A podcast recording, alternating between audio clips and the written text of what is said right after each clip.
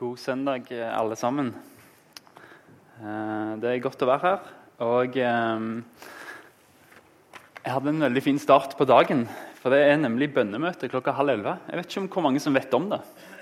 Og hvis mange vet om det, så er det veldig få som bruker det. Men det er bønnemøte halv elleve i bønnerommet. Det er inn den døra, opp trappa. Så finner du en gjeng som sitter og ber for møtet. Det er en veldig fin start å få roa tankene eh, før vi starter. Um, jeg, jeg, bare informerer om at jeg vet hva jeg ønsker meg til jul. Eh, ta Daniel sitt eh, forslag på alvor. Runar utrolig dyktig med grafikk. Alt dere ser av bilder på Facebook og Instagram og, og på storskjerm og bak her og disse her og brosjyrer, alt sammen er Runar. Eh, og det her er genialt. Eh, for de bokserne jeg fikk i fjor, de er ikke slitt helt ennå. Sokkene kan jeg ta et år til. Eh, mobilen min, den, eh, Hvis penger går til misjon, så kan jeg heller ha en mobil et år til. Eh, men kan jeg få en gave som går til noe annet enn bare meg sjøl, så er det helt supert. De kan dere kjøpe bak på infostender. Så kan jeg også si at eh, det er nytt år som kommer, og kanskje tenker du at eh, du har lyst til å bli mer engasjert. Vi trenger folk eh, i alle mulige tjenester. Vi trenger dine nådegaver. Fyll ut et sånt, og så bli med oss eh, i tjeneste på nyåret. For vi trenger stadig vekk flere folk. Og Det er utrolig gøy å være med, og vi er allerede 160 stykker som er i tjeneste. Eh, mange av de på lørdagen. Og vi trenger stadig folk hele tida for å få rett og slett åpna bygget og til å rydde etterpå og alt mulig. Til å styre teknikk og alt. Så bli med oss, og så er det utrolig stas å være med i tjenestefellesskap. Jeg vet ikke om du eh, har fått eh, SMS noen gang fra noen som eh, er blitt foreldre. Som nettopp er blitt foreldre. Eh, du får en SMS, så åpner du den, og så står det Jeg har aldri i livet mitt opplevd så mye smerte. Jeg var sikker på at jeg skulle dø, og jeg var livredd. Og jeg var sikker på at nå er enden kommet. Anna er født. Jeg tror ingen av oss har fått en sånn SMS. Fordi vi vet at når vi får melding og folk er, vi har fått barn, så er det sånn at det står 'endelig Anna født'. Hun har øynene til pappa hun har munnen til mamma. Og Allerede nå så ligger hun og spreller og griner. Det er masse liv i henne. Vi takker Gud for at han er født. Og så er det mer en sånn tone i meldingen. I dag så er det andre søndag i advent, og det er vanlig på den søndagen å rette blikket mot Jesu andre sitt komme. Og Det skal vi gjøre mot slutten av talen, men først skal vi se litt på noe annet Jesus sier om glede. Eh, teksten i dag den er henta fra Jesus' sin avskjedstale etter påskemåltidet, natt til langfredag. Og Egentlig så er det litt rart at, at denne teksten i det hele tatt er huska. At Johannes greide å skrive ned denne teksten, fordi de var elleve disipler igjen. De var livredde. Og de var helt sikkert forstyrra av alt som skjedde. Og de var forvirra. Hele verden raste sammen foran øynene deres på noen få timer når Jesus ble korsfesta.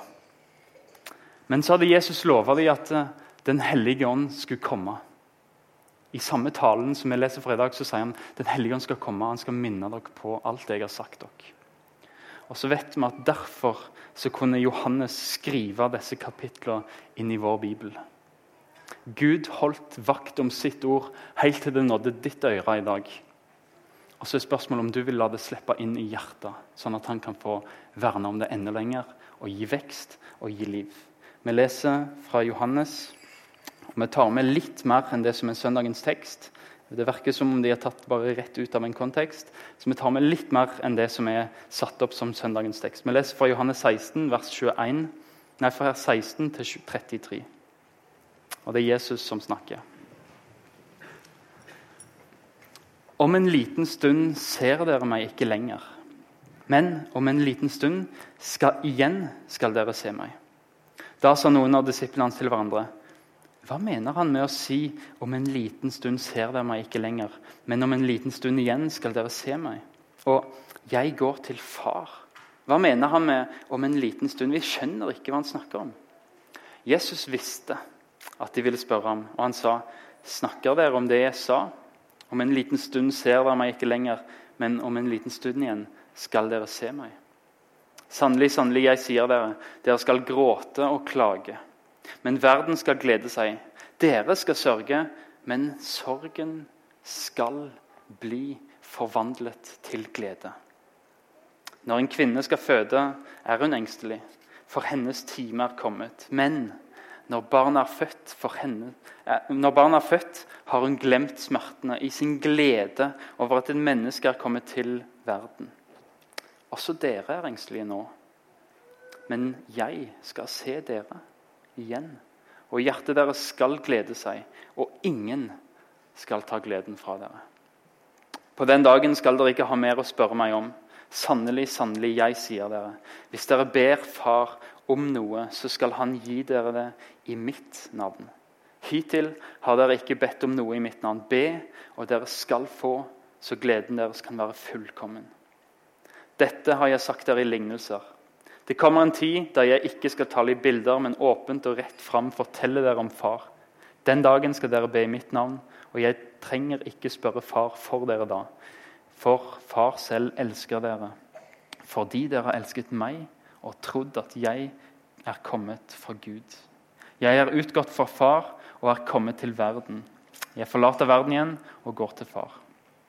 Disiplene hans sier, nå taler du rett fram og ikke i bilder. Nå forstår vi at du vet alt og ikke trenger at noen spør deg. Derfor tror vi at du har kommet fra Gud. Jesus svarte, tror dere nå?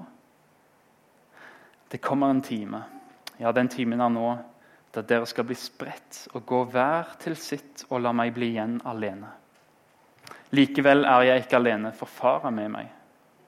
Dette har jeg sagt dere for at dere skal ha fred i meg. I verden har dere trengsler, men vær frimodige, for jeg har seiret over verden. Herre Far, takk for ditt ord. Ditt ord er sannhet. Jesus, jeg ber om at sannheten i dag kan sette oss fri. At sannheten kan skape liv, kan skape tro og kan skape vekst. I ditt navn. Amen. Da kan vi sette oss. Dagens tekst er blant Jesus' siste ord. Og hva sier du egentlig til hva sier du når du skal dø, og til noen som har fulgt deg hele livet, og tilsynelatende så er alt slutt? Nå er det over.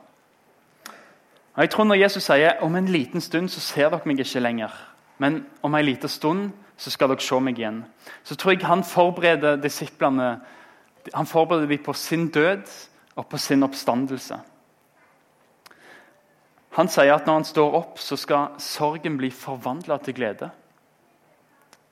Og Det er Jesus sin spesialitet. For vi kan prøve å gjøre gledene større, sånn at sorgen blir mindre og får mindre plass. Men Jesus sier ikke det. Jesus sier den sorgen du har, jeg skal gjøre den om til glede. Han kommer ikke inn med noe nytt. Han snur det håpløse på hodet og gjør det til noe godt.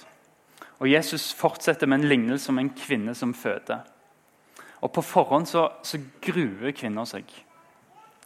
Og Jesus han er eldst av sin søskenflokk. og Kanskje så hadde han sett Maria når hun fødte. Kanskje hadde Jesus sett sine yngre søsken komme ut av Marias mage. Og Kanskje hadde han sett smerten og frykten og lidelsen i Marias øyne. Men med en gang barnet kom, så snudde det seg grunnen til smerten. Det ble plutselig grunnen til gleden. Et barn var kommet. Og dette bruker Jesus som et bilde på den sorgtida disiplene vil være fra langfredag og til påskemorgen. Når påskemorgen så får de se Jesus oppstått fra de døde, og så blir plutselig sorgen glemt. De ser plutselig håpet, de ser plutselig livet, at det lever igjen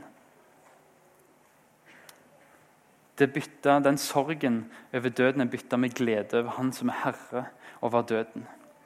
Gleden over et barn som er kommet ut av mors mage. Det er guiden vår til gleden av ei tom grav. Det er håp, det er liv, det er glede. Og Jesus fikk rett. Fordi Etter oppstandelsen så, så bytta disiplene den sorgen ut med glede. For Hvis vi leser gjennom apostlenes taler i apostelgjerningene, hvis vi leser gjennom brevet, så ser vi at Jesu død de ordlegger seg aldri på en måte der de viser sorg eller anger over at Jesus døde. Evangeliene de nevner de vanskelige dagene mellom korsfestelsen og pinsedag. Men etter det så forbindes Jesu korsfestelse knapt nok med sorg, men med seier, med håp og med glede. Paulus visste veldig godt hva en korsfestelse var. Han hadde sett mange korsfestelser. Men i stedet for å la korset, for å være Jesu død, være til sorg, så sier han jeg vil aldri være stolt av noe annet enn Jesu kors. Det er min ære. Det er min seier. Og Paulus fortsetter i Kolosserbrevet 2. Han sier at Jesus kledde makten og åndskraftene nakne og stilte den fram til spott og spe da han viste seg som seierherre over de på korset. Og Johannes, den som jeg forventer kanskje skulle vise mest tårer og sorg, den myke disippelen, han nevner Jesu blod sammen med fred og med glede. Og Peter, som var så utrolig sint når Jesus ble tatt, han snakker om et dyrebart blod og så nevner han det sammen med nåde og fred. Ikke med sinne og hevn, ikke med sorg, men med nåde og fred. Og Jesus sjøl sier det, og apostlene lever etter det. Jesu død den er ikke sorg, den er glede. Og Det er naturlig å sørge noe, i alle fall. Litt med Jesu kors. Det, det, kan vi understreke. Vi kan se opp på korset og se Jesus henge der. Og så kan vi kjenne sorgen og angeren over vår synd. Det var vår synd som slo naglene inn i korset. Det var din synd som gjorde at Jesus hang der. Vi står skyldige for Jesus sin død. Du er grunnen til Jesu korsfestelse. Siden du er en synder, så måtte han være offeret. Naglene han ble hengt opp med, de ble drevet inn av dine synder, av dine overtredelser, av dine feil. Straffen han opplevde, det var for de syndene som du har gjort. Det er naturlig at det korset, det synet av Jesus på korset gir oss en liten sorg. Vi kjenner at det er for oss. Det var pga. meg. Det gir oss sorg å se at vår synd som er skyld i at Jesus henger på korset. Men så endres den saken totalt når vi i tro får se at han hang der for å frelse nettopp de som hang han opp der. Oss. Vi skal ikke overlesse oss i sorg over at Gud har gjort opp. Det Gud har gjort opp, det Gud har tilgitt, det han har glemt, det skal ikke vi overlesse oss i sorg for. Det er vi eksperter på, spesielt i vår tradisjon, fordi det står så gale til med meg synder. Og jeg er en synder stor, det er all min navnære. Men sangen fortsetter. Vi stopper ikke der. Det er ikke vår navnære lenger. Vi har noe mer. Det står ikke så gale til med oss når Jesus har dødd for oss. Med foten av korset så skal Jesu død bytte sorgen vår ut med glede. Han skal forvandle den til glede. Sorgen og gleden den er over samme grunnen.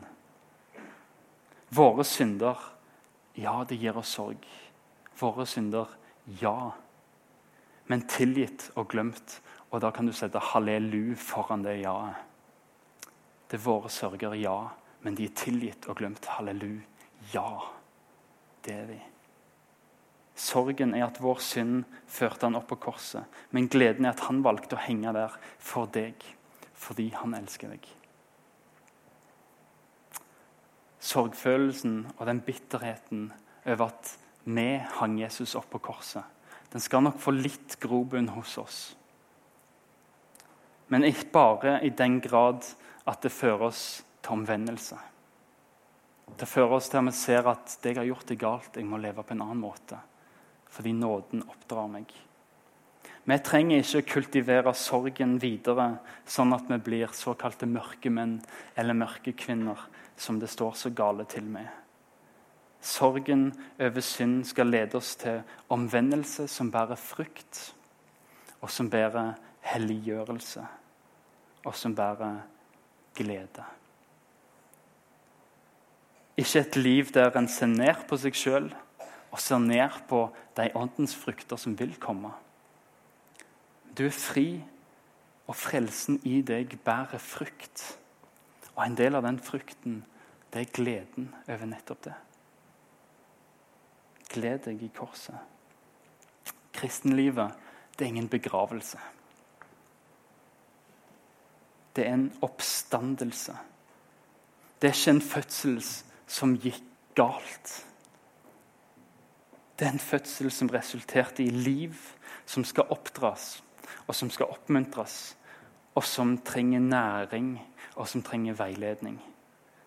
Noen ganger så er oppdragelse det å finne de små feilene, sånn at de kan rettes opp i. Men det er bare av og til. I de fleste tilfeller så handler oppdragelse om å vise mulighetene. Om å vise og veilede inn i dem på en god måte. Og finne gleden i det som gjøres rett, og hele tida oppmuntre og formane til det. Jeg vet ikke om du ville sittet i et barselsbesøk hos ei nybakt mor, og så ville du sittet der og grått av sorg over smerten hun erfarte i fødselen. Ville ikke det vært å sette en demper for et nybakt foreldrepar? Sette en demper på gleden deres? Og skulle vi i dag, når Jesus er død for oss og oppstått for oss, og vi i tro har, har vunnet hans seier, skulle vi i dag sitte okke og klage oss over at det står så gale til med oss når han er stått opp? Nei. Derfor tenker jeg av og til at det er rart når jeg kommer plasser der gudstjenester minner mer om en begravelse enn et hus fullt av barn med latter og glede. Vi samles ikke i Salem for å markere at en gang hadde vi tapt livet. Vi samles for å feire at vi i Jesus har vunnet livet. Den største gleden du kan forestille deg.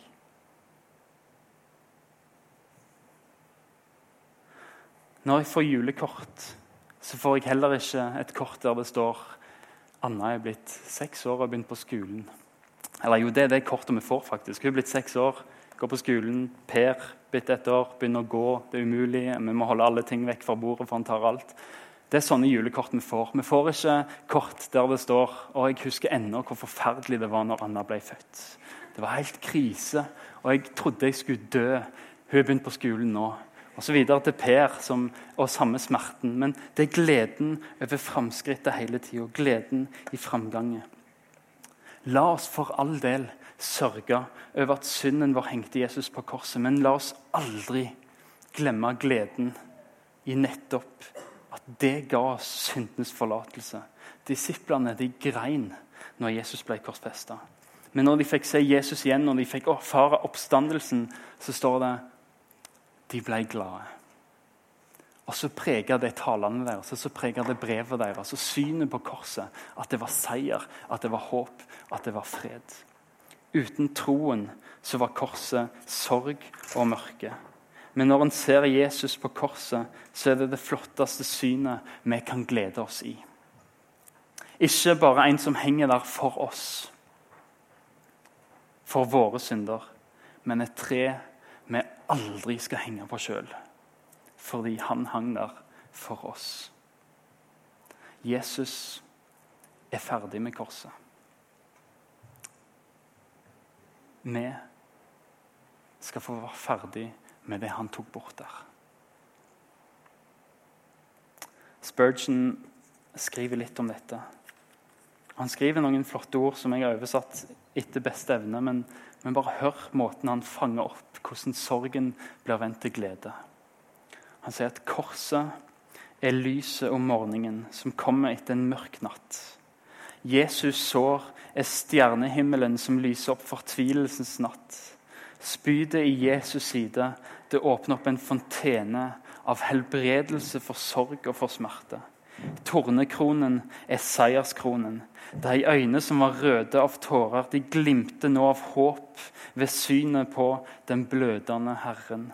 Og den torturerte kroppen er Immanuel, Gud med oss.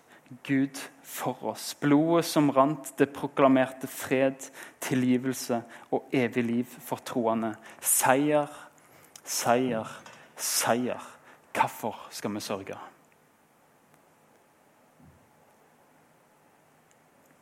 Vi skal ikke i begravelse, vi skal feire livet. Det er derfor vi kristne feirer søndagen. Fordi det var den dagen Jesus sto opp. Det var den dagen han vant over døden. Og med det ga oss et håp om et evig liv. Vi samles her for å feire oppstandelsen og livet. Og det er gleden i en gudstjeneste. Og så taler Jesus med dobbel klang i dagens tekst. Ikke bare til disipler, men òg til oss som sitter her i dag. Han taler når han sier om en liten stund så ser dere meg ikke lenger, men om en liten stund igjen så skal dere se meg. Jeg tror han taler til oss i dag. Til tida mellom hans himmelfart og hans gjenkomst til dom. Når han kommer som verdens dommer. Og Så sier han på samme måte som ei fødende kvinne kan være midt i smertene under fødselen, så er vi midt i en verden som ikke vil forstå seg på at vi tilber og tilhører en usynlig Gud. Det kan skape sorger. Og det kan skape trengsler. Å være et annerledes folk der ingen forstår hvorfor vi er annerledes. Det kan skape trengsler og sorg å leve i vente på en Gud som resten av verden ikke venter på. Og Det gjør at vi lever forskjellig.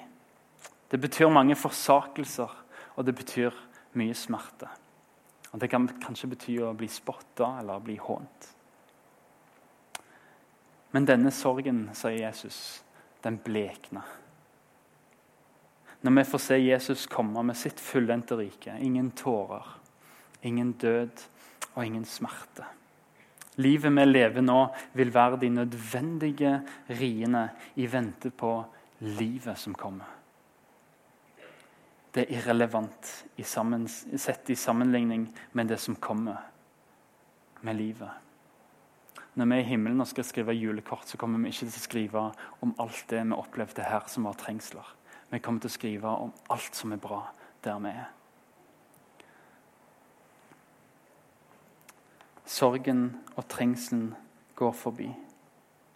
Gleden er evig, permanent. Om du lever eller om du dør, så kan ingen ta gleden fra deg. Det sier Jesus. En glede som ingen kan ta fra dere. For gleden er at Jesus døde for oss, oppsto fra de døde, for å gi oss et håp om et evig liv, og at han kommer igjen for å dømme oss etter sitt evangelium, sånn at den som tror på han, skal gå inn til evig glede. Og gleden forlater oss aldri, fordi gleden er en person som går med oss til verdens ende, og til vårt livs ende og inn i evigheten. Du kan ikke reversere en fødsel. Og du kan heller ikke reversere Jesu oppstandelse. Folk kan holde hendene foran øynene, foran ansiktet, og de kan tro at de putter Jesus i grava igjen. Der slipper vi å forholde oss til Jesus lenger. Takk for at Pilatus korsfestet han, begravde han, ferdig. Nå er vi kvitt han. Endelig skal vi slippe mer trøbbel, og endelig skal vi slippe mer overtro fra den sida.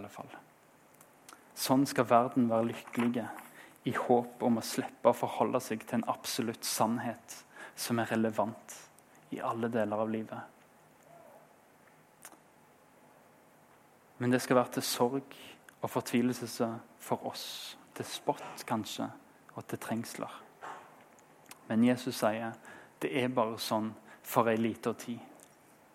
For han skal se oss, og vi skal se han. Om du enn holder hendene foran ansiktet og benekter livet sjøl, Jesus, så kan fremdeles ikke oppstandelsen reverseres. Jesus lever. Til oss som hører til han, ikke vær bekymra. Det er bare en liten tid til han kommer igjen for å se deg. Og Da skal bekymringer og lidelser forsvinne. Og Jesus skal gi oss en glede som aldri vil bli tatt fra oss. Og den gleden har vi tilgang til allerede på nå. Og vi feirer den på søndager. Men så skal vi få den i fullt mål når han kommer. Jesus skal gi oss en glede som aldri blir tatt fra oss. Vær tålmodig, sier han, for jeg har seira over verden. Han, han sier ikke 'jeg kommer til å seire'. Han har sagt 'jeg har seira'. Seieren er her. Gleden er klar. Og vi kan allerede nå feire det evige livet som er klart. Det er vunnet. Jesus forkynner oss i dag en glede som ingen kan ta fra oss. Om du lever etter dine egne følelser, så vil det gå opp og ned. Og du vil mangle visshet og fred. Men lev i Guds sannhet. At Jesus døde, og om du tror på han, så døde du med han. Og Siden ble han begravd, og alle dine synder ble begravd med han. De ble skjult, og de ble glemt med han. Men så sto Jesus opp fra de døde, og du som tror, du ble oppreist med han. Og nå lever Jesus, og han regjerer til evig tid, og din sak er trygg i hans hender. Og selv om han er borte for en lita stund, så ser han deg. For det er det Jesus sier i teksten i dag. Ikke at vi skal se han, men at om en liten stund så skal jeg se dere. Og Jesus ser oss, selv om han er borte for en liten stund nå. Og så kommer han igjen, og det er det vi venter på i advent. Han kommer igjen og skal ta alle sine til seg for å gi oss den fullkomne gleden. Det er gleden som vi lever i nå, og som vi venter på. Det er vår advent. Herre Far, takk for ditt ord til oss i dag. Og Jesus, Du sier også i teksten at vi kan få be i ditt navn. At vi kan gå rett inn til Far fordi du åpna forhenget. Far, nå ber vi i Jesu navn. Kan du fylle oss med din glede over at du har tilgitt og glemt våre synder. Jesus, la oss få leve i din glede. La oss få feire seier hver gang vi samles her. Jesus, hjelp oss til til å leve som glade kristne. Hjelp oss til å leve i fokus på det som vi gjør bedre og bedre, som du leder oss inn til, fordi du både bor i oss sånn at vi både vil og gjør det som heter din gode vilje.